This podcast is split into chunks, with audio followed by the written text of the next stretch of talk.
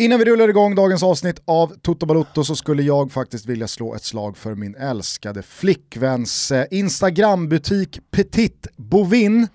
Här kan man köpa jättefina gamla brödspadar som man kan använda som skärbrädor eller bara som jättefina uppläggningsfat. Du har tjackat det Thomas? Ja det är klart jag har. Det, det, det är ordet som du missar som är eh, hela grejen och det man köper, det är ju patina, Gusten. Det handlar om eh, saker som är använda såklart, men som man inte hittar i vanliga butiker. Det du hittar i vanliga butiker, det, det är då olika märken som har försökt få till patina. Det ska kännas som patina, men det här är patina på riktigt. Så vill man eh, så här i juletider köpa någonting till sin flickvän, till sig själv, eh, som du säger, dels ha som uppläggningsfat eller som så här jävligt cool skärbräda. Jag brukar använda min till att lägga pizza på. Så jag gör pizza i min vedugn och sen så lägger jag upp det liksom på eh, den här, jag har ju köpt en väldigt stor då, men, men brödspaden. Ja, det, är, det är faktiskt, eh, ja, det blir godare att äta. Massor av patina, massor av vintage, massor av fina saker finns på Petit Bovin, stavas Petit med E och Bovin, B-O-U-V-I-N på Instagram. Gå in där, följ kontot så skulle jag och min flickvän bli jätteglada. Mm. Köp någonting till jul framförallt säger jag. jag Verkligen. Det är klart att man ska följa kontot men fan Spend, handla. spend your money. Eh, nu rullar vi igång introt Kimpa.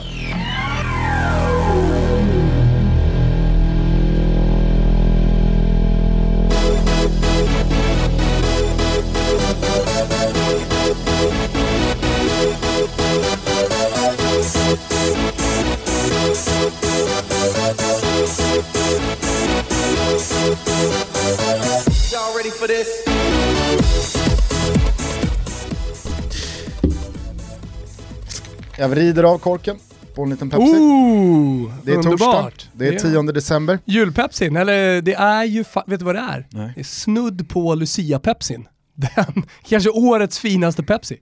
Just det, man brukar ta Pepsin, jag brukar ta min Lucia Pepsi på natten innan, vaka in Ja, ja. Lucian. Går också bra. Ja. Vilket som. Eh, torsdag den 10 december 2020, det är i och med detta bara tre veckor kvar av detta år. Vi kan till alla stora glädje, om nu någon tvivlade, meddela att eh, Erik Niva kommer hit om eh, två veckor Exakt. för att eh, traditionsenligt summera fotbollsåret som varit tillsammans med mig och dig. Och det har varit ett jävla märkligt år på alla sätt och vis. Inte minst fotbollsmässigt. Tråkigt också på så många sätt och vis att det eh, avrundas med eh, några tunga dödsfall. Diego Maradona nyligen har ju såklart ingen missat, men i morse vaknade vi till eh, beskedet att Paolo Rossi gått bort. Mm, efter en tids sjukdom ska sägas. Men Obotligt. blott 64 år. Blott 64 år gammal, känd Italien numera för att eh, göra väldigt mycket tv och vara expert i tv. Eh, och framförallt då känd från eh, VM 1982 som blev hans VM verkligen. Han, eh, jo, han, han var tungan på vågen för ett eh, Italien som inför det mästerskapet var väldigt ifrågasatt. Man jämförde ju 2006 väldigt mycket med just 1982 för att eh, 1982 års mästerskap hade föranletts av en eh, ganska stor ska jag säga, eh, skandal inom italiensk fotboll. Toto Nero känt som eh, med uppgjorda matcher och 2016 Cal Calciopoli. Mm. Sen så kom väl den här Calcio Scomessen som någon slags light-version där Mimo Men- Crescito var den enda som torskade. som fick lämna Cesare Prandellis EM-läger eh, ja, inför VM 2010. Alltså han fick inte vara med. Eller var det E EM12? Nej, jag tror att han fick lämna EM 2010. Så att, eh, ja men jag är ganska säker på det. Och där var väl egentligen hela storyn att eh, Mimo Crescito i sin liksom eh, desperata jakt på att vara en av the cool kids hade liksom varit en, Hängt med Beppe Scully. han hade varit en hangaround till Beppe Scully eh, och hans entourage och det rök han på. Ja, han- För Beppe han- hade då konkret kontakt med, var det, Be- Beppe, så här, Beppe eh, var det en Drangitan? vi, vi pratade om det, Är det förut. som är en Drangitan? Eller? Beppe Scullys typ morfar, eh, han är U Tiradritto, alltså skarpskytten kallad eh, i en Drangetan. Mm. Och då pratar vi alltså den, eh, den maffian eh, som kanske är minst känd då eh, i förhållande till eh, Cosa Nostra på Sicilien och Camorran i Neapel, men som har liksom verkligen eh, gått starkt fram i modern tid. Ja, även fast det är det minst household så Mm. är väl det den mest både aktiva och brutala. Mm. Och Utira Dritto, jag tror det är morbror eller morfar, alltså väldigt, väldigt täta band till Beppe Scully. Han eh, är då en av de absolut högsta ledarna i Ndrangheten. Mm. Beppe Scully hade ju då tidigare i sin karriär, egentligen genom hela sin karriär, eh, funnits med i utredningar av olika, liksom, ja, olika brott såklart, eh, men bland annat ett mord. Eh, och jag säger inte att han var anklagad som mördare, men han fanns med i utredningarna. Eh, och Beppe Scully var ju den spelaren som vägrade ta av sig tröjan. Eh, klassiska bilder när han eh, går upp till kurvaledaren liksom och står, eh, säger ett par sanningens ord till varandra. Den här tröjan ska inte av. Den ska inte av och eh, inför då det här, eller mitt i brinnande uppladdning till VM 2010, så har Gazettan på sin första sida en bild på två stycken personer som då eh, utreds för matchfixning eh, och så är Beppe Scully där och så är Mimo Crescito där utanför en restaurang. Det visar ju sig sen, det, jag vet att vi har pratat om det här, men vi har ju nya lyssnare, men det visar ju sen att uh, Beppe Scully, han, ja, han, dels missar han ju VM, så det är en stor tragedi för honom. Uh, men, uh, Var han, var han superaktuell? Ja, ja, det var han definitivt. Var han det? Alltså, jag, jag är inte säker på Jag att han minns hade inte det så jävla startat. väl, alltså. Jo, ja, nej, men, eller så här, han var en av de unga, jävligt bra ytterbackarna som kom fram, som storklubbarna sö sökte. Å andra sidan hade väl Prandelli någon slags bruttotrupp på typ 68 pers. Ja, Så att alla var väl mer eller mindre aktuella. ja. Nej, men vänta nu, du säger jag, VM 2010 var det inte Prandelli. Nej, det var ju inför EM 2012, så han missade det mästerskapet. Ja, precis. Ja, det här är ju lyssnarna redan uppmärksammat mig på fadäsen. Men... Man har eh, nickat med när jag slängde in, eller var det EM känns så, 2012? känns, känns så nära 2012, jag tänker att det här är mycket längre sedan. Ja. Nej men det, det är såklart EM 2012. Jo, jo nej men Och han definitivt. hade väl dessutom tagit ut en bruttotrupp på typ så här 68 Nej, spelare. du tänker på Antonio Conte eh, senare. Nej men just att Nej, här var rök, ingen- alltså han rök ju inte som Nej. gubbe 23. Nej, alltså han, han skulle ha varit med i truppen. Han var med i truppen. De var ju på Coverciano när poliserna, Carabinieri, Ja, kommer typ att göra 30 razzia. 38 spelare, jag överdrev med 68, men den var, det var ju 30 plus. Han, han hade varit med i EM-truppen. Han ryker på grund av detta. Ja, det och det visas, det visas ja, men han hade varit med i den slutgiltiga 23-mannatruppen, Ja. det är det jag säger. Hade jag tror till och med att den var... Nej, Beppe Scully var inte där. Nej. Han var inte ens tilltänkt. Men... ehm, Nej, men det var ju det jag pratade om, Scully var ju aldrig aktuell för... Fan vad rörigt det blir vet. Nej, Scully var det. Jag tror vi pratar om, vi pratar om Mimmi Crescito. Jag sitter berättar bara att efter, och när, när man gör utredningarna och man har ju telefonavlyssningar och det är väldigt detaljerat alltihopa, så visar det sig att Mimmo Crescito har absolut inte haft någonting med detta att göra. Nej, han utan han bli befann sig på fel ställe eh, vid fel tillfälle när det här fotot togs.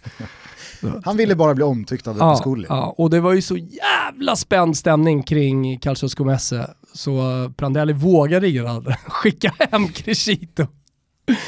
Han drog Ah. väl eh, raka vägen till, eh, vad är det det heter? Han har inte direkt men fått någon ja, upprättelse heller Mimmo. på sommaren. Han, ja, han drog till Vill- Vill, Forte Villers. ja, ja, eh, det var ju lite halvkul, men drog ju eh, till 100% tråkigt eh, med eh, Paolo Rossi. Ja, väldigt eh, tråkigt. Vi berättar om Paolo Rossi under 20 minuter. Eh, om hans karriär, om Totonero, skandalen innan som han var inblandad i och om den där magiska sommaren 1982. Eh, vi lyssnar på en minut bara Gusten, eh, så kanske folk är sugna på att gå in på Spotify och lyssna på hela berättelsen i vår eh, systerpodd Never Forget. Mm. Efter två år utan att spela fotboll så gör vår huvudperson sig redo. Han ska rentvå sitt namn, hjälpa sitt land och återigen bevisa att han är en av världens bästa anfallare. Man ska aldrig ha för stora drömmar. Det är ju något Never Forget har berättat om tidigare. Men om eh, Paolo Rossi inför VM 1982 eh, hade sett vad de kommande veckorna hade slutat med så tror jag han själv bara hade garvat. Men när turneringen är över har Paolo klivit in i den exklusiva klubb som där och då bara bestod av Garincha och Mario Kempes. Nämligen spelare som vunnit guld, blivit utsedda till turneringens bästa spelare och vunnit skytteligan under samma världsmästerskap. Och så får man nog säga att han också till stora delar suddat ut det som hade överskuggat hans namn åren inför. Idag handlar Never Forget om Paolo Rossi, den avstängde skyttekungen som 1982 la världen under sina fötter. På måndag så berättar jag faktiskt historien om en annan spelare som är en av blott tre som tillhör den exklusiva klubb som Paolo Rossi är en del av. Alltså spelare som vunnit VM, vunnit skytteligan i samma världsmästerskap och dessutom fått Guldbollen som världens bästa spelare. Just det. Eh, och det är ju faktiskt ganska mäktigt att Paolo Rossi är en av de här blott tre mm. spelarna. Mm. Ganska många stora spelare i fotbollshistorien som eh, inte har eh, medlemskort i den klubben. Det är väldigt många. Du, det är eh, torsdag förmiddag, det är eh, ett Europa League-gruppspel som avgörs ikväll, men det är ju vad det är.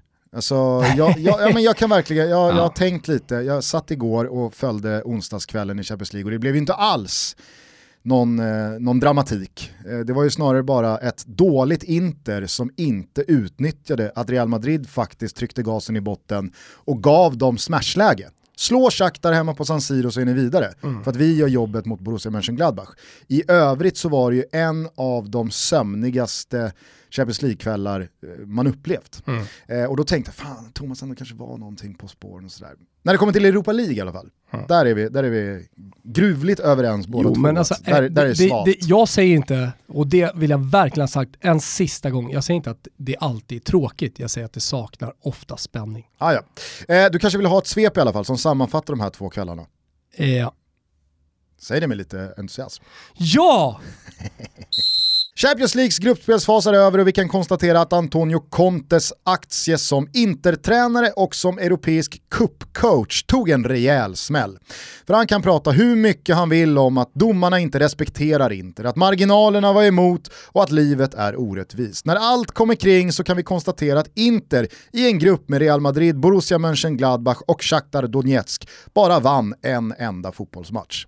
Conte är trött på frågor om Eriksen, Handanovic menar att Nerazzurri Pedri inte är redo för Champions och Lautaro Martinez kommer nog följa händelseutvecklingen i Barcelona med spända sinnen närmsta halvåret. Skriniar, Perisic, Nainggolan, Vidal, nämnde Eriksen, Alexis Sanchez, Lautaro, Kolarov, Ashley Young, D'Ambrosio, Ranocchia, Handanovic och Darmian. Jag vet inte vad du säger Wilbur, men eh, om jag varit interista så hade jag dragit ett djupt andetag ner i lungorna och jag hade inte känt att det var morgonluft väl där. Men den enes död är ju som bekant den andres bröd. Borussia Mönchengladbach fick fira sitt första avancemang till Champions League-slutspelet runt en iPad i Madrid, där Inters kryss mot Shakhtar alltså innebar avancemang trots förlust och en usel insats mot mesta mästarna. Och på tal om dem, mesta mästarna alltså, så ser Zidane ut att återigen sitta där på podiet i februari och få frågor om bucklan. Benzema och Modric på det? Äh, men visst fan är det krut i gubbarna än. Krutgubbe får vi väl också benämna Gigi Buffon som en sån här vecka. Om en dryg månad så fyller han 43, men nollorna hålls fortfarande. Den här gången borta mot Messis Barca. Lazio löste avancemang med en märkligt nervös insats mot eh, Klubb Brygge. Atleti darrade inte på manschetten borta mot Salzburg och Atalanta red ut stormen som snarare var en bris i Amsterdam och följde med Liverpool vidare från Grupp D. Men omgångens stora rubriker hittade vi i den infernaliskt spännande upplösningen av Grupp H. För ni är nog få som missat hur tisdagskvällen började. Den rumänske fjärdedomaren i matchen mellan PSG och Basakshehir påkallade huvuddomarens uppmärksamhet och sa att den svarta ledaren i bortalaget, alltså Pierre Webo, skulle varnas. Detta ledde till tumult. Dembaba tog tydligast verbalt strid mot domarteamet och de båda lagen lämnade efter några minuters palaver gemensamt i en protest mot att fortsätta matchen så länge fjärdedomaren domaren på något sätt var involverad. Parallellt med detta hade redan Leipzig trätt upp Olles sargade United på gaffen, redo att inmundigas ihop med en skummande, bjussig Seidel Bier. 1-0 redan efter någon minut genom en av höstens kanske främsta ytterbackar i Europa, den från City utlånade Angelinho. Och en timme senare hade Justin Kluivert tryckt in 3-0. Jalusi ner? Nej, för Manchester United under Ole Gunnar Solskär hade inte varit Manchester United under Ole Gunnar Solskär om de trots detta inte skakat liv i skiten. 1-3 blev direkt 2-3 och med knappt 10 minuter kvar behövdes ett mål för avancemang. Det dök upp ett jätteläge på tilläggstid, men Gulashi fick ihop benen och Manchester United mm. får nu rikta in sig på Europa League. Hur kunde detta ske? Hur mår Martial? Vad är det för jävla situation de satt sig i med Paul Pogba och Mino Raiola? Kan Solskär hålla Dean Henderson utanför elvan? Och är det kanske dags att degradera Manchester United en gång för alla rent statusmässigt till något annat än det Sir Alex cementerade dem som? Frågorna är många, men det enda vi vet är att Ole Gunnar Solskär, bondkatten från Molde, tränar The Red Devils på måndag. Alldeles oavsett hur det går mot City i helgens derby. Vi är ju sponsrade av Samsung, Gusten. Mm. Och vi har pratat väldigt varmt om eh, telefonen Samsung Galaxy A42 5G. Det är helt enkelt så att man får väldigt mycket telefon för pengarna. Vi har pratat om eh, kameran, vi har snackat om den eh, stora högupplösta skärmen, batteritiden och så vidare. 5G förberedd och så.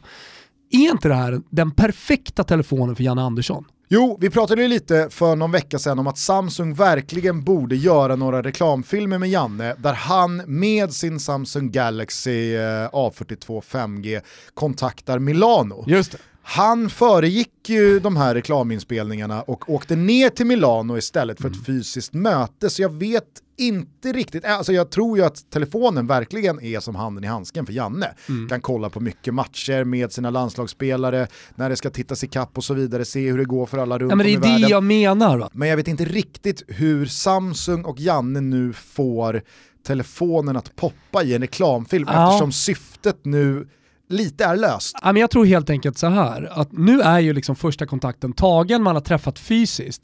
Alltså nu, nu, nu vill man ju veta, vad händer nu? Det är en följetong, det blir som en tv-serie det här Gusten. Mm. Så nu vill man ju ha alla kontakter som tas, när ringer de varandra? Mm. Är det när Janne sitter i badtunnan utanför radhuset på Lidingö med Peter Wettergren? Det är då han tar upp telefonen och bara stämmer av lite lätt med, med Zlatan.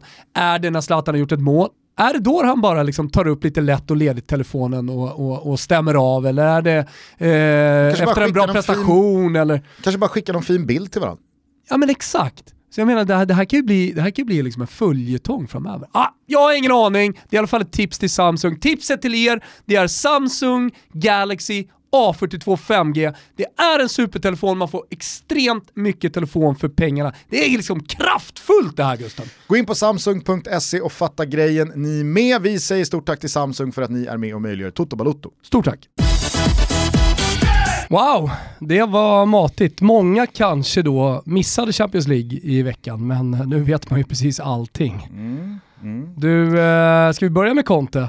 Ja, vi börjar moll och avslutar du då. Ja men det kan vi göra, absolut. Det är ju ändå det som är färskast på näthinnan här efter gårdagskvällen. Ja, man pratar ju nu om eh, Antonio Contes usla facit i Champions League och då pratar jag inte bara om den här hösten som såklart är usel, man kommer fyra i gruppen och eh, man lyckas inte vinna hemma mot Shakhtar Donetsk. Trots att man har satsat väldigt mycket, han får äta sin eh, middag på 100 euros restaurangen med en 100 eurosedel i fickan så lägger vi det lilla egenskapade idiomet åt sidan. Eh, men ändå så lyckas han inte. Nu eh, säger man efter, Handanovic sa det, lagkapten, att eh, ah, men nu har vi ligan och vi har Coppa Italia att fokusera på. Ruskigt deppigt såklart.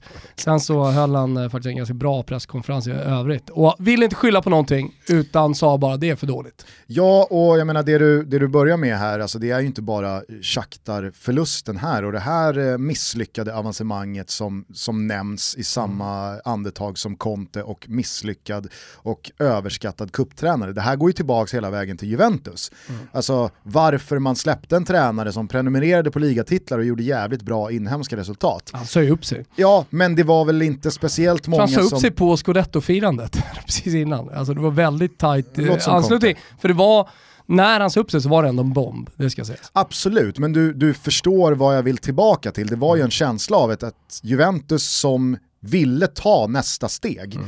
ville ta sig tillbaka till tronen av Europa. Och Men, man kände att det kanske inte är med Conte man gör det. Så kommer Allegri in mm. och löser väl eh, en final redan första säsongen. Mm. Alltså 2015. Han löser framförallt två finaler och det, det var ju dit Juventus ville. Alltså ligatitlarna, de räknade man lite på Bayern München man ner med, men eh, Champions League dit ville man. Um, det, va, va, jag, skulle bara först bara fråga dig, vad har han för legacy i Chelsea efter hans tid där?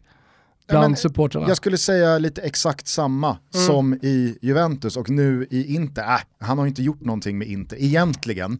Eh, så att det är väl orättvist att dra in dem här. Men eh, som Juventus, alltså mm. gjorde det fantastiskt bra i England. Mm.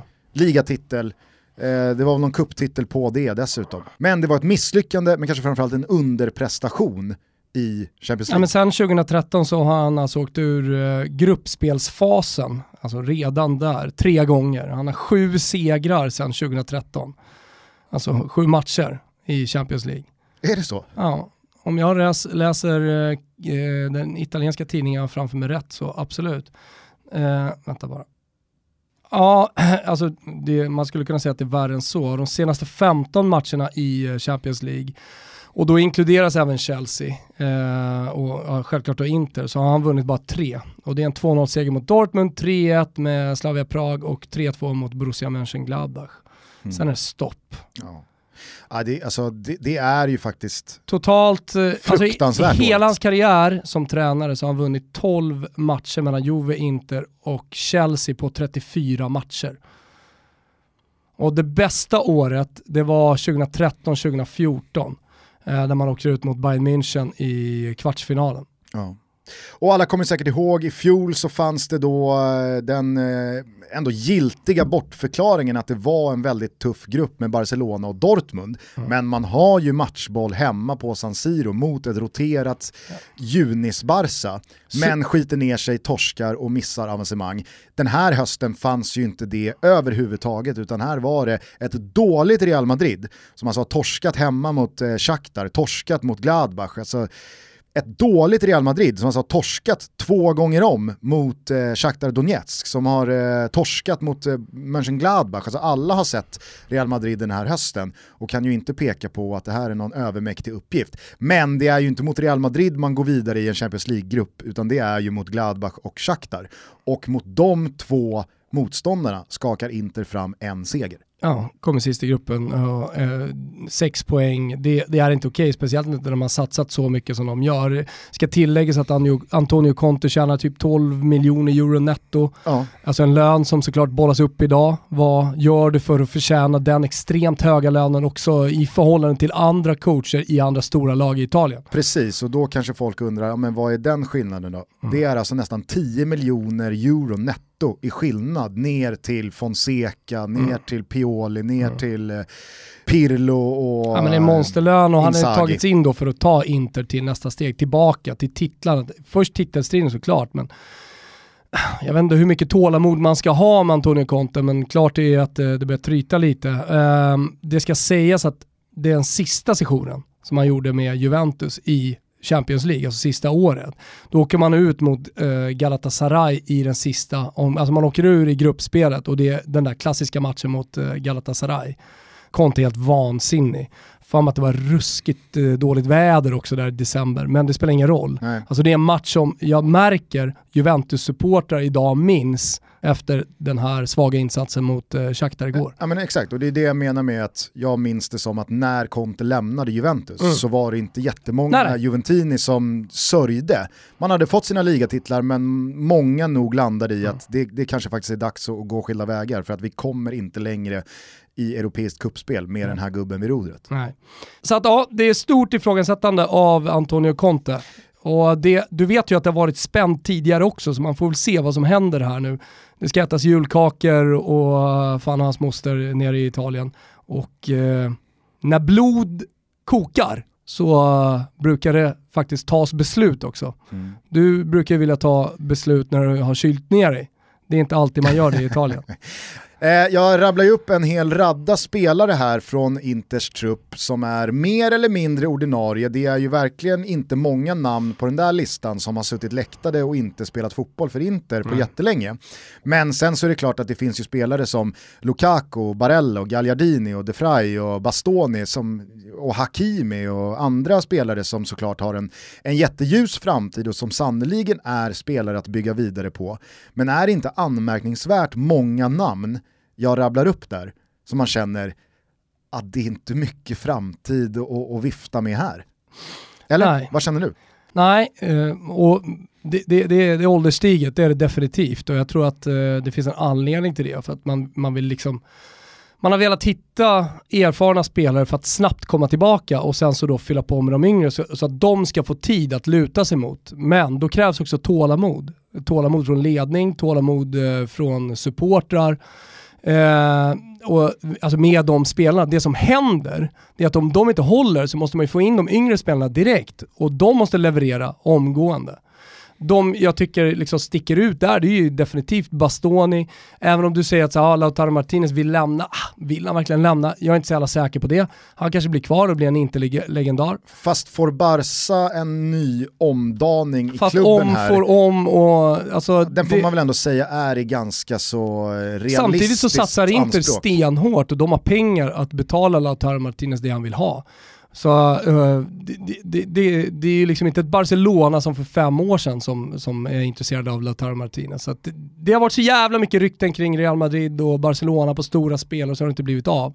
Jag säger bara att jag skriver inte in honom klar för någon annan klubb. Han, han är i Inter nu. Och, så därför är det så här, ja, om vi pratar om de unga spelarna då kan vi inte prata om Lautaro Martinez på väg bort, utan måste vi prata om honom som Inter-spelare. Jag vill bara ja, vara tydlig med det. Och, och, jag sa bara att jag tror att Lautaro Martinez efter det här kommer följa vad som händer i Barcelona, ja inte minst hans agent. Sen är ju såhär, Nainggolan är en spelare som man har, man har fått eh, eh så ärva av en tidigare klubbledare, sportslig ledning.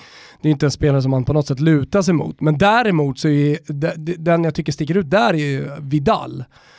Vidal som alltså blir symbol för Antonio Conte för att han verkligen vill ha honom. Alltså när man söker Kanté, och nu är inte han speciellt ung heller, men om man vill ha en erfaren spelare på mitten så blir det Vidal. Och det, jag tycker i alla fall att om det inte händer någonting att det är ganska uppenbart att Vidal inte är den gamla Vidal och att det inte kommer bli det heller i, i Inter. Det finns inga tendenser till det just nu.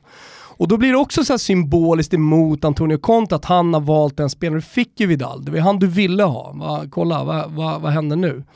Eh, men eh, en annan spelare som sticker ut är såklart Barella. Eh, en spelare som kommer spela inte länge med största sannolikhet. Jag tycker, ja, men så här, Skriniar, inte heller lastgammal. Eh, de, de Frey är inte heller lastgammal utan det, det är alltså Bastoni, Skriniar, De Frey är ju ett ruskigt tremanna försvar som man har saknat i och med att Skriniar har varit borta väldigt länge. Eller De Frey har varit borta, båda har varit borta egentligen under hösten. Jag nämnde ju Skriniar här i det här sammanhanget just för att han har ryktats mycket bort och det har varit Men det är, det, och... det, är, det är en backlinje som håller för det kommande decenniet mer eller mindre. Ja. Eh, så det, det, det, det är både och, men jag tycker att det stora är att symbolen Conte-symbolen är Vidal och där har man misslyckats. Lukaku, han ska ingenstans. Nej. Han, han har vi pratat om som 26 bast, snart 27 som liksom, fan han är ju åtta år till att leverera om kroppen håller. Mm. Och så Lautaro Martinez bredvid. Det är så jävla synd för Lukaku, alltså vi, vi pratade ju nyligen om honom här som att ja, men han har verkligen tagit nästa steg och han förtjänar att omnämnas som en av de bästa anfallarna. Eh, och han har ju burit detta Inter många och långa stunder sedan han anslöt. Och så har ju folks invändning alltid varit, ja men han levererar aldrig i de stora matcherna han kan, och det här har ju, så här har det ju låtit hela vägen sedan eh, Everton-tiden, mm. att det görs tre mål mot eh, Burnley och Charlton och Crystal Palace och det görs eh, mål mot eh, Fulham och i, i, Champions League så öser man in mål mot eh, belgiska, ryska, portugisiska och polska lag. Men när det väl gäller, då, då händer det inte. Och så kommer det där läget igår kväll när Alexis får nickläget från bara några meter. Mm. Och den är inne, ja, men, vägen. men den träffar Lukaku i plytet. I offside. Dessutom. Hade den mot all förmodan studsat in så skulle det ha blivit borta. Jo absolut, men, men här, ja, ja. står han en och en halv meter åt sidan eller nicken går en och en halv meter åt sidan så tror inte jag att de dömer Nej. bort det för offside för att han påverkar spelet. Det Nej. tror jag inte. Utan det är bara så här, det är, det är såklart att han får en i huvudet. Mm. Jag vill bara vara tydlig med att jag tycker inte att Inters stora problem är att man har en ålderstigen trupp. Den, den generationsväxlingen tycker jag att man är på väg att lösa och jag tycker att man dessutom har gjort det ganska bra. Men de spelare man har tagit in för att vara garanti, så att man direkt, snabbt kan ta upp jakten på eh, ja, dels komma längre i Champions League, alltså att vara en av de stora klubbarna ute i Europa. Ja, men nu har man två stycken uttåg i gruppspelet. Men också för att ta upp jakten på Scudetto och vara med länge i Scudetto-striden. Säg att man faller på målsnöret i år, då kommer man ändå tycka att det är godkänt i uh, interled. Mm. Men ja, det, det stora idag är uh, att Antonio Conte har misslyckats och han har misslyckats med symbolvärvning. Han har misslyckats återigen i Champions League och han åker ur redan i gruppspelet igen. Så att det, ja, det, det, det är an, ansträngt läge. Jag vet inte om jag tror att något annat än ligatitel kommer ge honom ett godkänt betyg. Ja, får, all, alla får ju göra sin egen bedömning. Jag skulle nog säga att det ändå är godkänt om man faller i sista omgången. Ja, vi får väl se. Mm. Eh, jag tycker det är märkligt i alla fall att han eh, adresserar att det börjar bli irriterande med frågor om Christian Eriksen. Men det förvånar mig att han liksom landar i, i ett sånt citat. Ja men du vill tro fan att folk frågar om Christian Eriksen när, när du fortsätter slänga in honom med fem minuter kvar, sex minuter kvar, tre minuter kvar, åtta minuter kvar och alla ser att väldigt många gånger så hinner Christian Eriksen på de sex minuterna han får på plan ändå skapa saker och dra upp målchanser ja. och ta tag i bollen och göra saker som spelarna som har fått 84 minuter innan honom har misslyckats med. Det är en sak om det är Modric eh, och Thiago, liksom stora spelare på ett mittfält med bara stjärnor. Men här är lirare som är ganska mediokra med Brozovic, eh, jag menar Barella har sin spelstil, det är klart det går att ta ut honom och göra ett, alltså matchcoachningen måste ifrågasätta att göra ett mer offensivt byte med då fötter som eh, Christian Eriksen har. Det, det, det, är mycket som är problematiskt med den här matchen, tycker jag. Eh, sena byten dessutom, eh, fega återigen. byten återigen. Så, uh, Nej, och jag tycker också så det hade varit en sak ifall Christian Eriksen hade suttit läktad de senaste tre månaderna. Då hade jag förstått om han hade sagt, det börjar bli jävligt irriterande med frågor mm. om Christian Eriksen. För förmodligen så har det hänt någonting då som har fått Conte att bestämma sig för att nej, den här gubben ska inte spela, och då ska han inte spela. Men här får han, han får ju spela i princip varje match, ja. bara att han får spela fem minuter. Ja. Så det, det, det är det som är, alltså, om Conte tror att han inte ska få frågor om en sån spelare då, då är han ju, då är han bara dum. Jo men Conte, Conte är ju så här. han, när han vinner så kan han vara lite så här butter med ett snett leende. Och då kan man tycka att han är ganska skön. Och sen så tror jag alla Chelsea-supportrar har sett honom fira. Och han firar ganska passionerat som den syditalienare han är. Men han är en extremt dålig förlorare. Eh, igår pratade han om domarna. Att han ens, att, att han ens pratar om domarna efter, efter ett ja. fiasko i Champions League. Det för mig är oförståeligt också. Vilket då för mig liksom spär på det problematiska med hans lön. Jag menar så här, ska du ha den lönen då, måste du, då kan du inte vara en dålig förlorare. Så det är så många grejer som jag tycker blir fel eh, med, med Antonio Conte just nu. Mm. Och det enda han kan göra är att, att, att plocka segrar. Och nu är det snart uppehåll, så, vilket gör att han, han, måste, han måste gå rent fram till, fram till julkakan. Ja, jag, ja exakt. Så om man inte har fått sparken innan dess så är det, i min, det, i min bok är det bara en ligatitel som, som kan lösa det här. Ja, men, eh, bara en ligatitel, det är Juventus som är de stora favoriterna.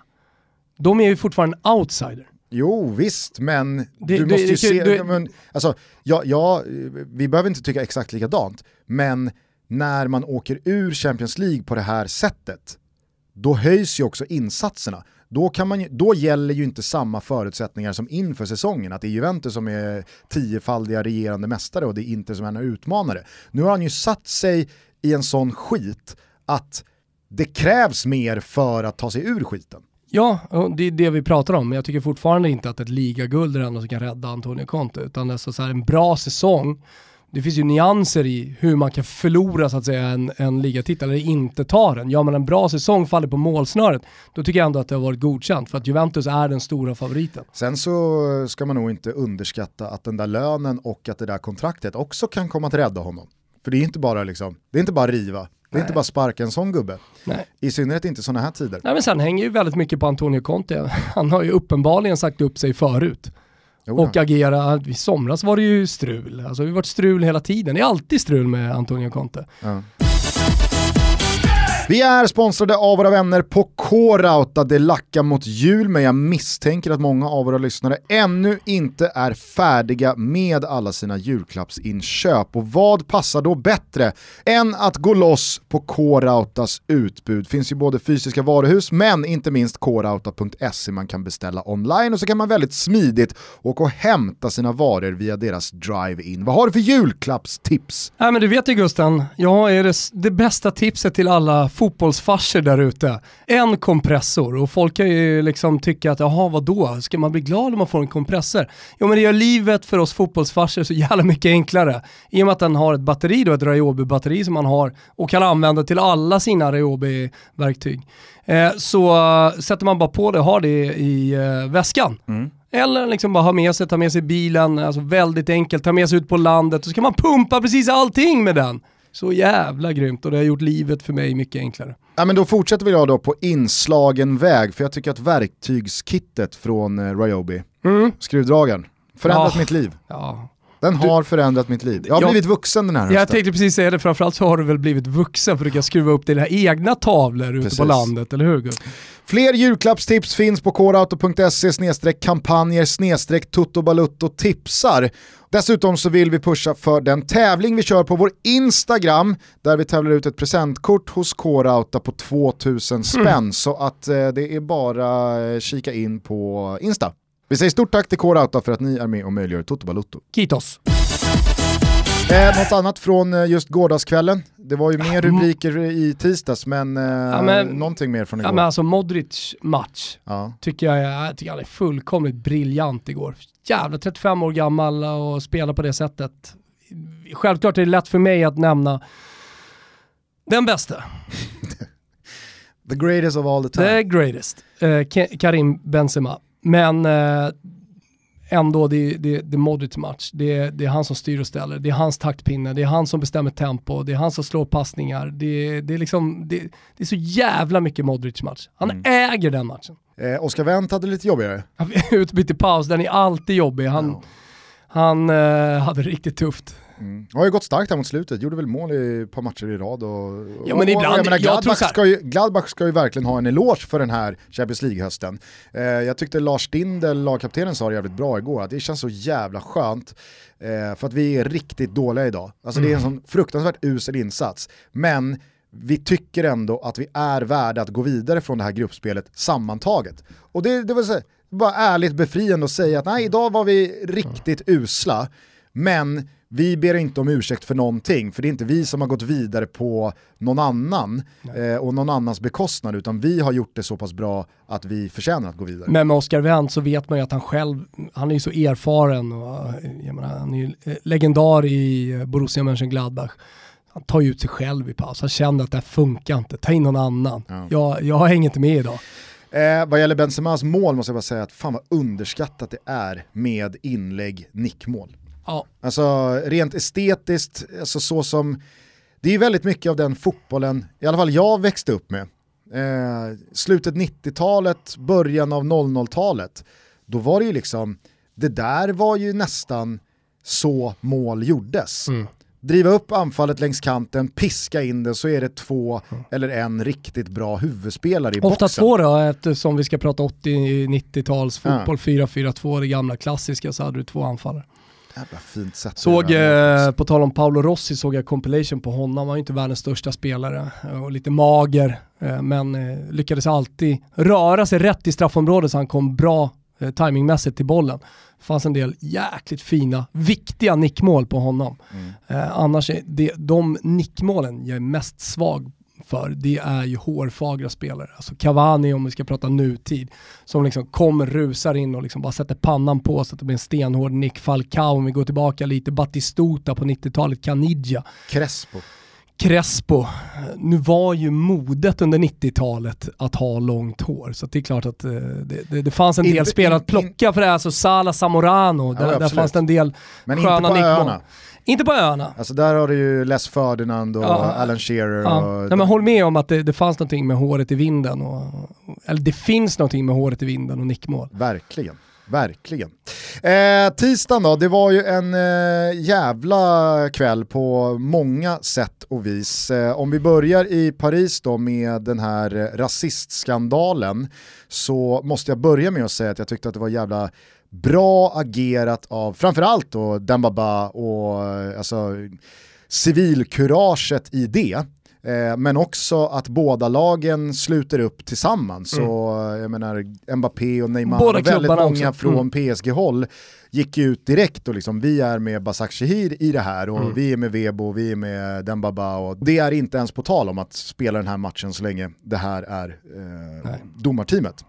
Sen så finns det ju såklart detaljer i det här som är jävligt eh, svåra att navigera sig igenom. Jag läste till exempel eh, John Barnes eh, uttala sig om det här eh, i Expressen. Legendariska engelsk fotbollsspelare. Precis, var ju också 90. en av de första svarta världsspelarna. Mm. Eh, han menar ju, alltså han gick ut och sa det här är inte rasism. Alltså att fjärdedomaren säger att det är den svarta ledaren när han påkallar huvuddomarens uppmärksamhet och så står en eh, klunga på 4-5 Basakshiri-ledare och en är svart och han säger till mm. domaren, det är den svarta ledaren som ska ha varningen eller mm. utvisningen eller vad det nu är.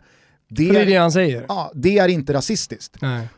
Och så sitter jag och läser det där och så tänker man, ja, John Barnes säger så. Mm. Är det då inte rasistiskt? Eller? För att John mm. Barnes borde ju veta, han borde ju kunna liksom sätta tonen gentemot mig vad som är rasistiskt och inte. Mm. Och om John Barnes inte tycker det är rasistiskt, ja, du, du förstår vad jag menar. Ja, ja, man, man, är ju jävligt osäker själv i här, om John Barnes säger så, ska jag då overrula John Barnes och säga John, du vet inte vad du pratar om. Det där är visst rasistiskt. Samtidigt som man sitter ju och nickar med och tycker man, att det är så jävla... Man sitter ju väldigt tyst som vit. Verkligen.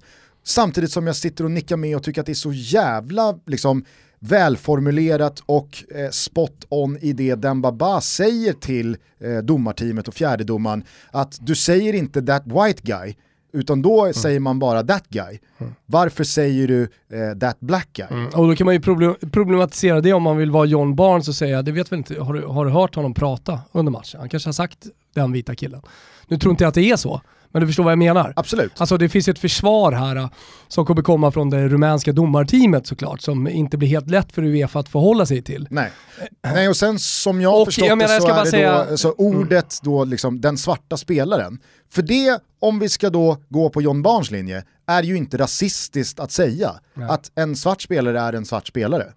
Eh, och om jag har förstått det utifrån då eh, kommunikationen mellan de rumänska domarna så är då det liksom ordet i en sån mening är då negro. Negre, ja, ja alltså, negro med u. Ja, ja. Och det är 100% rimligt då att eh, spelarna och ledarna och inte minst då Dembaba uppfattar det som att ja, men han kallade honom för n-ordet. Mm. För det är ju det han liksom eh, också upprepar. Det är väl det han reagerar på ja. Och, och, och, går igång och tänder på alla cylindrar. Mm. Why, why do you call Sen him, blir en diskussion. Why ja. do you call him negro? Why do you call him negro? Alltså, mm. hör man ju Dembaba liksom nästan skrika. Eh, och jag menar, miss i kommunikation, rasism, eh, det Dembaba trycker på det i sig är ju ofrånkomligt ett existerande problem. Det, det, det, det, existerar en strukturell rasism. Här belyser Pierre Webo, Dembaba mm. och övriga spelare i båda lagen exakt vad som är felet. Men John Barnes kliver in här med en aspekt som jag känner, aha, mm. Okej. Okay. Nej, jag, jag, är helt med dig. Samtidigt då så läste jag i morse i eh, Pavlidis eh, headlines-blogg då att eh, du vet eh, gamla demontränaren i Portugal, eh, Jorge Jesus, oh, ja. med stora håret. Jaja. Han däremot, han är ju ute och hojar så man bara vill... Ja, ja. Han säger... Det finns ingen rasism, är det klassiska. Nej, nej. Det, det, när... det går till och med, det går, det går, han går längre.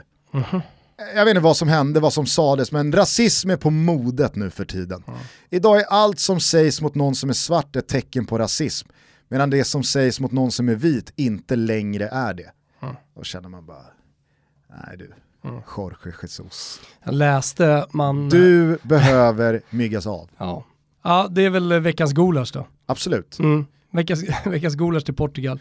Nej, men så jag tycker, Och ja, jag Jesus. vet inte, du ville säga någonting? Nej, jag, jag, jag vill bara säga att jag läste att man hade då eh, såklart gått tillbaka i den här domarens karriär och hans liv. Mm. Eh, och där dyker det då upp en match i rumänska ligan eh, där en hel kurva gjort apljud till en svart spelare men, och där alla spelare har velat gå av men eh, domaren tillåter att matchen fortsätter och mer eller mindre så som det beskrivs i alla fall, ignorerar det. Sen har han haft jävligt tuffa år där, ja, till exempel bara i år så har båda hans föräldrar gått bort, det tas upp, eh, han har blivit avstängd en hel säsong för att han, han, han, han har stått det upp, eh, alltså att hans Nej, föräldrar här, har man- gått bort, att han Nej, nej, nej, labil, nej, eller nej. vad? Alltså det man gör i internationell media i andra länder, det är att man, man kollar på Övrebö och sen så när han har gjort ett misstag mot Fiorentina. Och så går man igenom hela hans karriär, hela hans liv och sen så beskriver man det i ett uppslag. Fortkörning 91. Klassisk eh, journalistik va? Övrebö åkte för fortkörning Ja, men 91. Det absolut, dyker ju upp. det dyker definitivt upp. Om det är någonting som på- norsk media har skrivit om så är det definitivt någonting som man kommer hitta. Ja. Och det, det jag menar med att man hittar allt möjligt så att lyssnarna förstår vad, vad det är för typ av eh, liksom, text som kommer. Eh, men eh, det, det dyker ju också då upp att han, han var så dålig i en ligamatch att han blev avstängd en hel säsong då, har man varit, då har man varit kass. Det, det, alltså nu, Sen sitter, nu sitter många allsvenska supportrar och lyssnar på det här och nickar med och tänker handlingskraft. i Rumänien. Handlingskraft tänker En usel domarinsats Hade i rumänska högsta ligan, då kan man bli avstängd resten av säsongen. Det hur är ma- så det ska gå Hade till. vi suttit på division 4-domare i omgång 28 om vi hade stängt av eh, usla domare. Förmodligen. Ja, nej men alltså, så jag, jag, menar, jag har ju också mina fördomar gentemot rumäner när det kommer till fotboll. Inte minst här eh, om vi backar bandet ett år och hur det lät mot Alexander Isak i avslutande EM-kvalmatchen och att de, De, har, då, de har alltså, i Rumänien ett problem med rasism. Ja, inte bara i Rumänien utan det är väl genomgående nästan i hela östra Europa. Ja. Eh, så, så existerar den ju på ett betydligt mer tydligt sätt Mm. än i övriga fotbollsvärlden. Där är vi inte heller förskonade från det här, men i Polen, Rumänien, Ryssland andra länder Mm. i östblocket, där är fan, folk skäms ju inte ens. Nej. Alltså det är, det är ibland direkt fruktansvärt det Mm. som sägs och det som görs och hur det låter och hur det ser Mm. ut. Så att det är väl klart att det har man ju själv med sig in när man då tänker, jaha men de, de är rumäner, det här rimmar med min egen bild. Och det är väl rasistiskt av mig i sig då att liksom dra alla rumäner över en kam och tänka att eh, de har en sån här människosyn eh, som skiljer sig åt från många andra. Nej men jag säger bara att det, det, det, det, är väl liksom, jag, det är väl mänskligt eh, av mig då att landa i en sån känsla. Ja. Och så sitter man och men- tänker, det här är en rasist. Mm. Det här är liksom eh, otvivelaktigt så att han har, han har gått alldeles för långt över gränsen, eh, flå honom levande och eh, ge honom aldrig ett fotbollsuppdrag Det var- igen. Det var ju ett journalist, journalistbråk och jag minns eh, en rumänsk journalist som jag följt länge, eh, för han är jävligt bra på att beskriva den rumänska fotbollen som ofta är kaosartad. Så det dyker ju upp eh, innehåll som man kanske vill ta med sig till podden ibland med presidenter som kommer och går och som har vapen med sig och liksom den typen av kaotisk eh, tillvaro runt fotbollsplanerna. Eh, och var det just han som hamnade i det stora bråket för att han då försökte ja, försökte försvara rumänerna. Mm. Och menar på att eh, vi är inte alls så där. Alla är inte så. Nej. Och du vet, när man kommer dit, ja, då, då har man jävligt lite att vinna. Ja, så är det ju. Mm. Nej, men sen så är det ju liksom numera så lyckligtvis att det är väldigt tydliga ställningstagande. Vi har nått en punkt där det är eller i alla fall på pappret, nolltolerans. Det är väldigt mycket eh, synliga budskap om att kick racism out of football, eh, man, man tar ett knä vid avsparksvissla, det är verkligen kick it out och alltså, det, det, det ska vara en nolltolerans. Och med tanke på det så tycker jag att det är jättebra att det som hände i tisdags hände, för att det också blir då Det handling. blir väl lite nolltolerans också Exakt. med tanke på Och det ska det vi precis har pratat om att det bra, och Jag känns- tycker att det är jättebra det av Dembaba att liksom gå längst fram och, och liksom ta den här striden och Mm. man blir glad av att se båda lagen och staberna sluta upp bakom det och att det verkligen är. Jag hade önskat att Uefa hade varit lite liksom tydligare och rakare Mm. och direkt kunna säga, för alla förstod ju situationen. Efter tio minuter ska ju Uefa vara ute med en kommuniké där att det har inte gjorts någon utredning än, vi har inte fastslagit någonting, men är det så som spelarna och ledarna har uppfattat den här situationen så är det självklart att vi inte ska fortsätta spela den här mm. matchen ikväll. Det kan man kommunicera på fem minuter. Mm. Det tog väl två och en halv, tre timmar att kommunicera och där tycker man ju att Uefa blir lite för liksom slappa, det blir lite för mycket sprickor i glashuset, det blir lite så här, men den hästen ni sitter på, den svansföring ni har om att eh, rasismen ska bort från fotbollen och det här, eh, det här har vi minsann nolltolerans mot. Men visa det då. Det jag, tycker, det jag tycker är positivt i det här, om man då är John Barnes och tycker att det här är gränsfallsrasism, eh, så ageras det i alla fall. Och du pratar om nolltolerans, ja men då är det ju faktiskt nolltolerans för, jag menar för 20 år sedan hade det här aldrig hänt. För 10 år sedan hade det förmodligen inte hänt. Kanske inte ens för 5 år sedan. Nej. När man började gå av planen vid apljud och, och, och sådär. När det är här då, enligt John Barnes gränsfallsrasism, så går man av plan, man spelar inte plan, man byter ut domarteamet. Jag menar bara att då, då, då har man ändå kommit någonstans, tänker jag. Verkligen. Ja. Att eh, klimatet har ändrats. Eh, man är betydligt mer på spänn när det gäller de här grejerna. Mm. Och det, det, betyder ju att i framtiden, om det händer liknande saker, eller att en spelare till exempel säger någonting på planen eh, rasistiskt, så är alla beredda på att gå av. Mm. Och då får det att folk att tänka till och eh, kanske blir fotbollen en förebild vad det lider. Absolut, dessutom Men så... Uefa här kan ju, som du säger, agera betydligt starkare och tydligare. Ja, dessutom så röker man ju ut sådana här gamla dinosaurier och fossiler som ja. Jorge Jesus som då inte kan Exakt. hålla sig från att spela martyr och säga att eh, det är rasism mot det svarta hållet men det är fan inte rasism mot det vita hållet och rasism är på mod. Ja, men det vill säga, mm, mm. På ett sätt så är det ju bra att sådana gubbar inte kan hålla sig från mm. att säga det de tänker. Bra, då vet vi det och så kan vi gå vidare från de här, mygga av dem och så tar fotbollen nästa steg utan dem. Mm. Det var i alla fall skönt eh, tycker jag också och, och, bra, där ska väl Uefa ha en eloge då, som, eh, alltså att man kan slutföra matchen dagen efter, att det blir inte det här eh, efterspelet av organisatorisk kalabalik. Mm. Vad händer med poängen? Vad händer med matchen? Det är redan, alltså att man då vi spelar vidare imorgon, 76 minuter eh, eller vad det var som skulle spelas och att det blev en fotbollsmatch av det. Eh, båda lagen stod enade kring det här budskapet men sen dagen efter så var det match igen och då stod man på olika sidor och, och tävlade mot varandra. Inte speciellt mycket till tävling, Neymar hade vaknat på rätt sida. Det här första målet han gör, alltså det är så vackert tycker jag att det är löjligt. Han gör en kroppsfint som egentligen inte är en kroppsfint utan det som fintar motståndaren det är att han stannar till och bryter takten Exakt. i sin rörelse. Och det är hela finten. Mm. Och sen bara rullar den mellan benen på försvararen och går runt Det är brassefotboll. Men det, det, är, det är så sanslöst bra mm. den finten. Det är därför jag tycker Neymar är bäst i världen just nu. För att uh, Mbappé som alla pratar om, fantastisk fotbollsspelare, vi inte ta någonting av honom, men det, han är väldigt kraftfull och väldigt snabb och det är imponerande i sig. Men som fotbollsspelare, leka ute på planen. Vi snackar mycket om Ronaldinho och hans sätt att spela fotboll med ett stort leende. Det närmsta vi kommer det idag, det är definitivt Neymar. Och, men för att kunna göra det och ändå bli en av de största spelarna, då måste man också leverera mål, assist, vinna titlar hos sitt lag, bära sitt lag och det tycker jag Neymar gör just nu. Och just därför tycker jag också att med eh, ja, Messi kanske inte riktigt lika bra som han har varit tidigare säsong, av förklarliga anledningar i och med att hela Barca går kräftgång. Eh, så kan man enligt mig bara jämföra honom med då Cristiano Ronaldo. För att just det där med att bära ett lag och allting, där är ju Cristiano Ronaldo otrolig. Mm.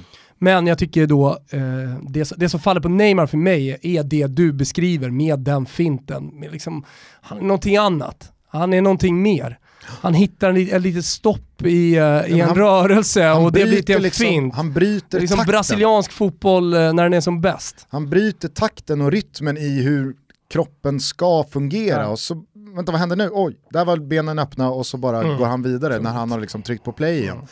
Nej, ruskigt fint alltså.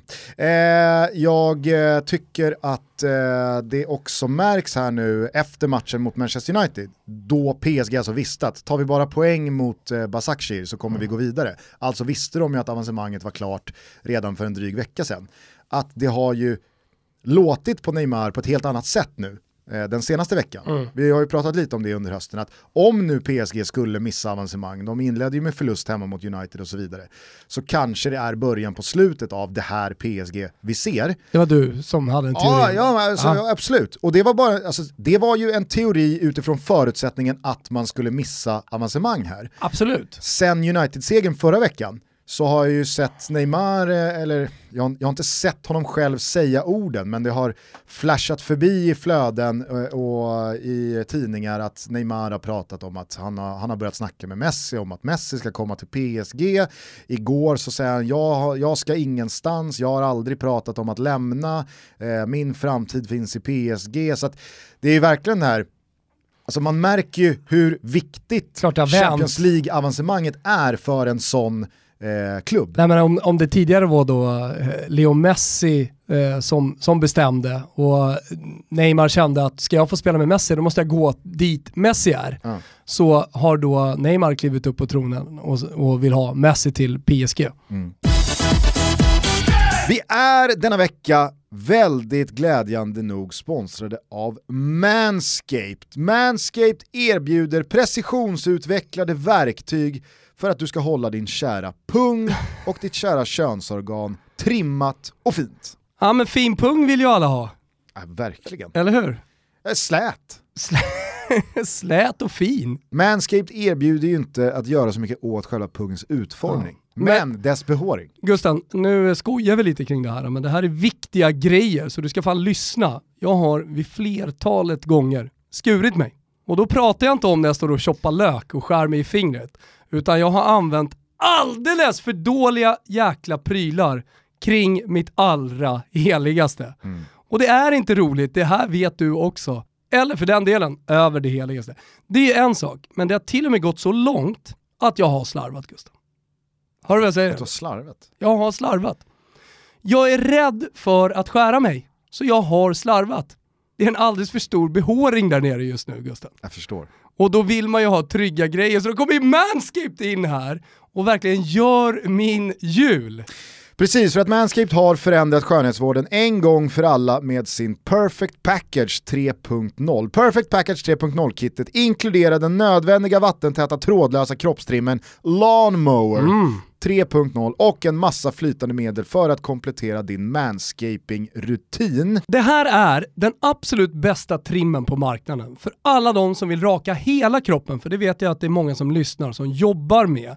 Deras tredje generations trimmer är försedd med en toppmodern keramisk rakhyvel som minskar det jag pratar om, alltså skönhetsvårdsolyckor, tack vare avancerad skin-safe-teknik som utvecklats av Manscaped. Och just nu så får ni 20% rabatt och gratis frakt med koden TUTTO på manscaped.com. Det stavas alltså man, M-A-N, scaped, S-C-A-P-E-D.com. Och det är alltså 20% rabatt med gratis frakt om ni använder koden TUTTO. Glöm heller inte bort att inuti Perfect Package så hittar du också Manscaped Crop Preserver som är en återfuktande deodorant åt pungen. Kan du tänka dig? En åt pungen Gusten, som förhindrar skavning. Ja. Så att när du har rakat dig så är det bara liksom att eh, ha på den här återfuktande sköna krämen på pungen. Manscaped har tänkt på allt. Ja. Och just nu så får ni 20% rabatt och gratis frakt med koden TUTTO på manscaped.com. Stavas M-A-N-S-C-A-P-E-D.com. Och det är alltså 20% rabatt med gratis frakt om ni använder koden TUTTO.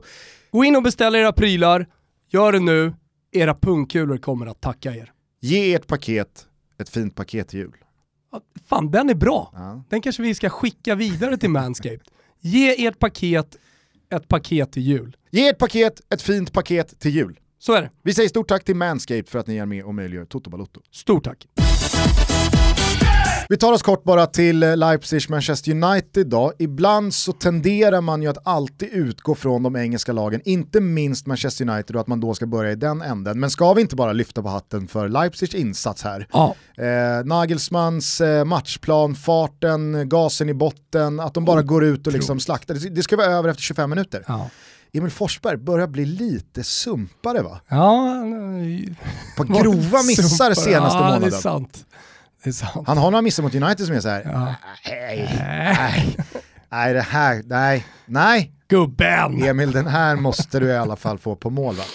Eh, sen så har han gjort jättebra spelprestationer, absolut. Men, han är i form. Men Leipzig som lag, fan vad de imponerade. Mm, jättemycket, jättemycket jag värderar inte jättehögt att man släpper in två mål och att det ändå blir eh, farligt. För att man måste komma ihåg att de var i semifinal i Champions League och nu går man vidare på det här sättet som man, som man gör efter en superprestation första 45 minuter. Kanske så får man lida av det då i slutet, men man vinner på det sättet. Och är det, är det på det sättet man ska vinna, gå på knock, göra tre baller sen släppa in två för man inte riktigt orkar, visst. Man, ja, men, men det, man vinner. Men det där kan väl också vara lite orutin? Ja, alltså, ja, ja, ja, ja, det finns jag ser här, inte... tidig klopp i Liverpool, lite den typen av orutin skulle jag säga. Ja men precis, jag menar eh, hade Real Madrid lett med 3-0 mm. efter en timme i en sån här match, mm. den matchen slutar inte 3-2 med darr på 3-3. Utan det där är ju också någonting man lär sig med åren när man har varit i de där situationerna förut. Att man vet att det som kan tyckas vara stensäkert och klappat och klart här med 3-0, det kommer börja rämna så fort vi släpper in mm. ettan så släpp inte in ettan. Mm. Det är liksom inte lugnt. Eh, det är inte lugnt då.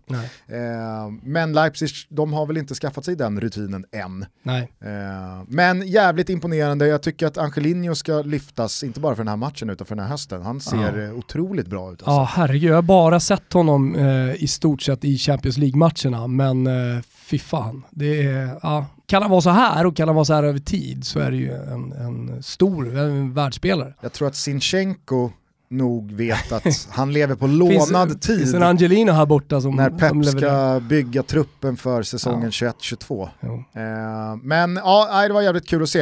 Eh, Pogba då, måste vi bara kort mm. eh, ava. Mino Raiola skickade ju in eh, inte bara en eller två vedträn i brasan här han i kastade in 14 molotovs. Där, han gick också på knock. Ja. Eh, och menade på att eh, Paul Pogba, ah, alltså, hans framtid finns inte i Manchester United. Nej. Sen är det ju en jävla prekär situation med tanke på att hans kontrakt går inte ut förrän om ett och ett halvt år. Eh, United har lagt mycket jävla pengar på Pogba, knappt fått ut någonting av honom. Så att ska de få tillbaks investeringen, då måste de sälja honom typ nu. Mm. Parallellt med det här så kommer då Dybala i en swap med Juventus. Juventus som, var det Paratici eller vem var det som eh, efter Juventus match mot Barca, liksom, han duckade ju inte frågorna om Pogba. Nej. Ja, Paul, vi, det, det, är klart att vi vill ha hem Paul. Ja, nej, men alltså Juventus har varit intresserade av honom länge. Det har eh, italiensk eh, initierad media rapporterat om eh, senaste året. Men tror du på en sån Alltså det, jag, jag, jag, vet inte hur bra det blir för Dybala, men jag vet att det skulle bli bra för Paul Pogba. Mm, det tror jag också. Det, det, hade kanske till och med varit den perfekta lösningen för honom. I synnerhet det, om man kollar på de spelarna som, som finns. tränare, alltså som han ja. delade mittfält med ja. Eh, way back when. Ja, men han och Arthur till exempel på ett mittfält, jag vet inte vem, han skulle, vem som skulle bli hans uh, lekkamrat nu. Han McKennie gjorde mål också. Ser ju jätteintressant ut, men Paul Pogba är någonting annat. Mm. Och det, det, skulle till och med kunna vara så att de lever ihop alla tre. Som har ju Ramsey där och sådär, men man behöver ju snurra på gubbar över en hel säsong. Rabiot för all del. Men uh, Paul, så, kanske han som ryker, uh, jag vet inte. Och så Betancourt. Ja, nej men ung dessutom och fortfarande mycket att få ut och han har mycket att utveckla individuellt också.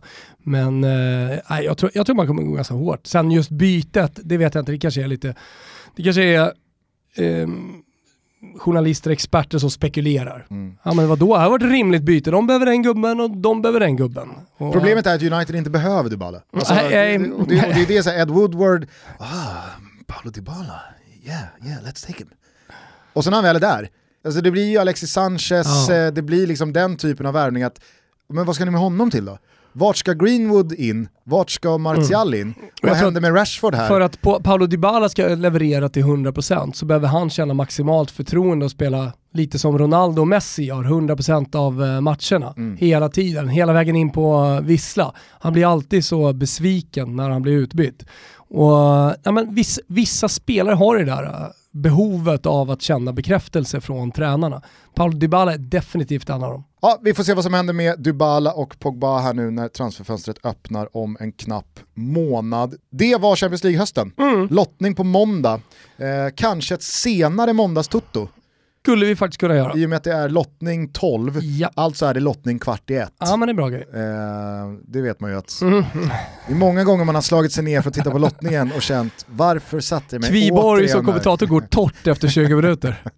Börjar yra om Las Palmas i direktsändning. Ja, men det är någon gammal gubbe som ska hedras och det är lite mål från säsongen som varit som Ja. ska prisas. Men jag tycker också att de har blivit bättre från Uefa-håll. Eh, Det är inte riktigt samma procedurer faktiskt. Nej, kanske inte. Ja, men eh, ett litet senare måndagstutto då, eh, efter helgen så kan vi gå igenom Champions League-åttondelarna som då har fallit. Är det någonting annat som du vill prata om vad gäller Champions League? Nej, men vi kan väl bara konstatera att det är de stora ligorna, alltså lagen från de stora ligorna som går vidare. Vi kan konstatera att det är fyra tyska lag vidare till åttondelsfinal. Tre italienska lag, eh, men eh, Champions League domineras av de stora ligorna ute i Europa. Sannerligen. Mm. Och så är Porto med där. Det ska de vara. Ja, det är Porto, men fan. Ska man säga någonting om Porto ändå? Nej. Nej, det ska man inte göra, men det är, det är fan sinnessjukt sen Mourinhos eh, härliga unga dagar i Porto när han vann Champions League. Bara fortsätter, Mm. de är bara med. Ja, jag tycker faktiskt... Så kan de ut i Ja, åttondelsfinal. men jag tycker Niva sa det ganska bra igår i, i, i efterstudion, att folk hackar på Porto, och folk är liksom så här, ja men de får så lätta grupper. Jo men de får ju lätta grupper för att de själva har spelat sig in Exakt. i sidningsgrupp 1. Ja. De, har ju liksom, de har ju gjort det de kan göra. Vinna ligan eller komma tvåa i ligan och sen, gå vidare, och sen gå vidare Ja. från gruppspelet. Då hamnar man till slut i den där sidningsgruppen. Exakt. Exakt. Det är väl bara liksom hur man än vrider och vänder på Schweiz eller Danmark eller andra europeiska lag som man känner varför har de så jävla bra sidor? Ja, de har väl uppenbarligen gjort bättre resultat än vad vi har gjort. Så är det. Så, så, så är det helt enkelt. Hörni, på söndag så är det fotbollssöndag Europa igen. Som vanligt 19.30 drar vi igång på Simor. Eh, det är Milan-Parma eh, parallellt med eh, Barcelona. Stormar i Barca. Mm. Som alltid. Som den här alltid för hösten. Eh, vi får väl hoppas att Zlatan är tillbaka. Det lät väl lite så på Pioli igår på presskonferensen inför Europa League-matchen ikväll. Kommer definitivt sitta på bänken och spela någonting. Vi har också tagit ut en Toto-trippel återigen hos Betsson. Det är tredje advent, det är dags att skörda lite frukt. Vi har fortfarande svårt att köpa Helsingborgs fyra mål på Östgötaporten Ja. för en knapp vecka sedan. Så nu är det revansch. Nu är det revansch, eh, vi tror att Juventus vinner med två mot ett klappuselt Genoa. Ja. Herregud, mot ett klappuselt Fiorentina är de så jävla dåliga. Ja. Vi såg båda den här matchen i måndags och mässade om hur fruktansvärt dåligt det var. Ja, och eh, alltså, då gör Fiorentina kan man ju tycka en ganska bra andra halvlek ändå. De har fått in bollen. Ja, Till allt- slut så får man det. Allt är såklart relativt, men alltså det, det Genoa gör, krampaktigt håller i den där 0-0. Nej, men vi ser ju ett Juventus här som fick en eh, smöruppgift mot Barca i veckan. Ronaldo jagar eh, Josef Bikans eh, världsrekord i antal officiella mål. Man har häng på Milan i toppen, man kan inte hålla på och slarva mer. Nej. Och Genoa som sagt, de är för dåliga. Så att Juventus vinner med två. Det gör de. Sen så tror vi på raka segrar för två favoritlag i England. Vi börjar med Southampton, Danny Ings Mm. är tillbaka efter skada, målskytt direkt borta mot Brighton. Nu kommer Sheffield United på besök som helt enkelt inte kan vinna. Nej. Det går inte för Chris Wilder och gubbarna den här Nej, säsongen. de kommer inte ens ta kryss här. Eh, med Ward Prowse och Ings och eh, Mm. Vestergaard och McCarthy och gänget så bara, vinner, så bara vinner Southampton här. Har någonsin förlorat en nickduell? Nej. Tror aldrig hänt. Nej, det Kommer aldrig hända heller. Eh, vi avslutar med en favorit i repris. Rak seger för Mourinhos Spurs mot Crystal Palace. Det är London-match, det är ingen lång resa. Visst, det är Europa League ikväll, men Spurs är redan klara så det kommer vara rejält roterat. Kane, Son och gänget, de är ute efter Nej. titelstrid. Ja, men de eh, känner blodtörst eh, Spurs och du vet när Mourinho känner blodtörst, då brukar det gå ganska bra. Sju gånger degen får man för den här. Oj, oj, oj vad fint. Ni hittar den under godbitar och boostade odds, ryggar med 148 kronor så jobbar vi in lite tredje adventsdeg ihop. Jajamensan. Men hörni, glöm inte att man måste vara 18 år för att spela och om man har problem med spel så går man in på stödlinjen.se.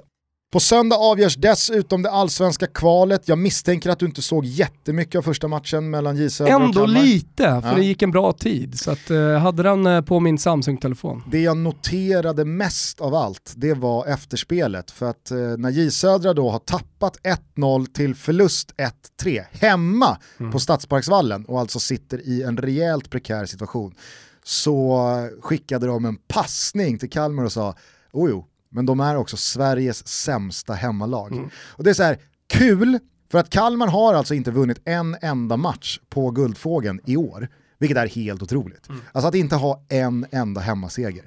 Är det, det, det är så... Det är klart det är... Unheard of. Skapar inte självförtroende direkt. Men... Vår är... borg och allt det där. Till och med jag när jag pratar med tjejerna, vi ska till Kärrtorp och spela, så liksom så här, på vår borg förlorar vi bara inte. Fan. Men, men det är samtidigt parodiskt också hur man efter en förlust hemma med 1-3 kan vara lite sådär styv i korken Verkligen. och liksom köra oh, men det är Sveriges sämsta. Ja, men ni ligger, de slog er precis med 3-1 ja. på er hemmaplan. Exakt. Det är läge, och, läge att knipa här. Exakt. Gräv fram ett resultat, sen så kan du säga kan sen. Men det blir, liksom, det, blir, det blir pajigt tycker jag när man pratar om en sån grej ja. efter att man precis har torskat mot det laget. Eh, ja, men det luktar väl Kalmar och Nanne eh, om allsvenskan 2021 eh, även den här gången. Mm. Eh, någonting annat på hjärtat eller ska vi börja klappa ihop betygen?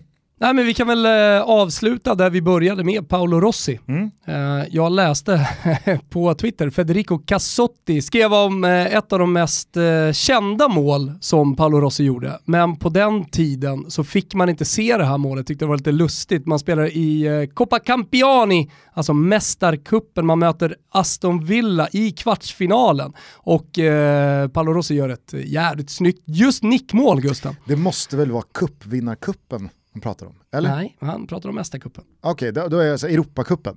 Nej, det heter ju Mästarkuppen. Den hette Europacupen? Nej, den hette Mästarkuppen. Den hette Europacupen? Nej, den hette Mästarkuppen. Du är för liten för att komma ihåg sånt där Gustav. Ja, men Europacupen pre-Champions League, då var det ju bara ligasegrarna. Nej, man kallar den för Mästarkuppen.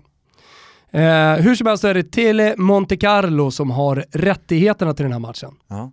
Eh, men de kör lite lång reklam. Så de kör reklam i tre minuter eh, för långt. Så att eh, matchen, alltså, tittarna får liksom inte se att du kommer in, då har Paolo Rossi redan gjort målet. Det fanns ju inga sociala medier och grejer, så man såg bara, ja. Ett mål som blev svart för uh, Juventus-supporterna och hela det italienska folket. Och då fanns det liksom ingen sändning att ta repriser från heller? Ja, ah, men man fick väl det sen, men ändå, det, så kvartsfinal i Tänk om det skulle hade idag. Kvartsfinal i Champions League, eh, sändande rättighetsbolag eh, kör reklam, råkar gå över tre minuter. Åkesson sitter för länge i, i eh, halvtidsreklamstudion där, Lite, med odds och rek. Det var lite och så kommer man tillbaka till matchen, då är målet redan gjort. Också lite skillnad på Italien och England på den tiden. För att Juventus spelade den här matchen utan tröjsponsor. För att i England så var det förbjudet att ha sponsring mm. kring matcherna och på matchtröjor. Ja, kul. Ja, men alltså, då, Juventus åker dit får inte ha sponsring, men det sändande italienska bolaget, de drar över tre minuter. Så i kvartsfinalen i Mästarcupen så, så missar man Paolo Rossis legendariska mål mot Aston Villa. Fan, ah, fan olika vet, världar. Fan vad jag vet att det heter Europacupen. Mästarcupen. Coppa Campioni, det hör jag till och med italienarna säger det. Ja, alltså såhär, vad italienarna säger. Ja, men man det... sa även i Sverige som var Mästarcupen. Okej. Okay. Eh, hörni, eh, alltså, ja, men vänta. Jag,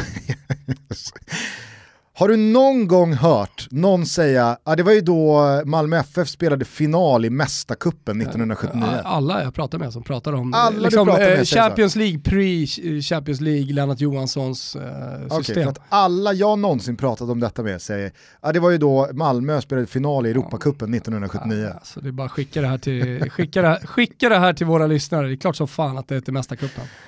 Eh, hörni, eh, fan vad roligt det är att ni lyssnar på Toto Balutto. Jag sa också vi... tittare. Nej, vi har, vi har inga tittare. Nej det har inte. Var länge sedan jag hade tittare. Eh, det är nonetheless jävligt roligt att ni lyssnar på Toto Balotto fortfarande. Vi närmar oss 500 avsnitt, snart så minns vi och summerar vi 2020 tillsammans med Erik Niva. Eh, vi ska dessutom köra någon liten Toto Balotto Awards va? Mm. Det ska vi göra. Det är alltid roligt runt Det är roligt kring uh, jul nyår, det är mycket roligt. Dessutom så går vi snart i mål med Never Forget-säsongen, nytt avsnitt på måndag alltså. Då ska ni få höra historien om en av de andra två herrarna som alltså tillsammans med Paolo Rossi utgör den exklusiva klubben om tre som alltså vunnit VM, skytteligatiteln i det mästerskapet och som vunnit Guldbollen för bästa spelare i Vet mästerskapet. Vet du vad jag tror Gusten? Över eh, 60 avsnitt matade med nuggets finns borta på Spotify. Det är jag jävligt stolt över Gusten. Ja, det tycker jag att eh, Mm. du och jag och vi som har gjort Never Forget ska vara. Eh, ha en fin helg, ta hand om varandra, ciao tutti. Kanto. Jag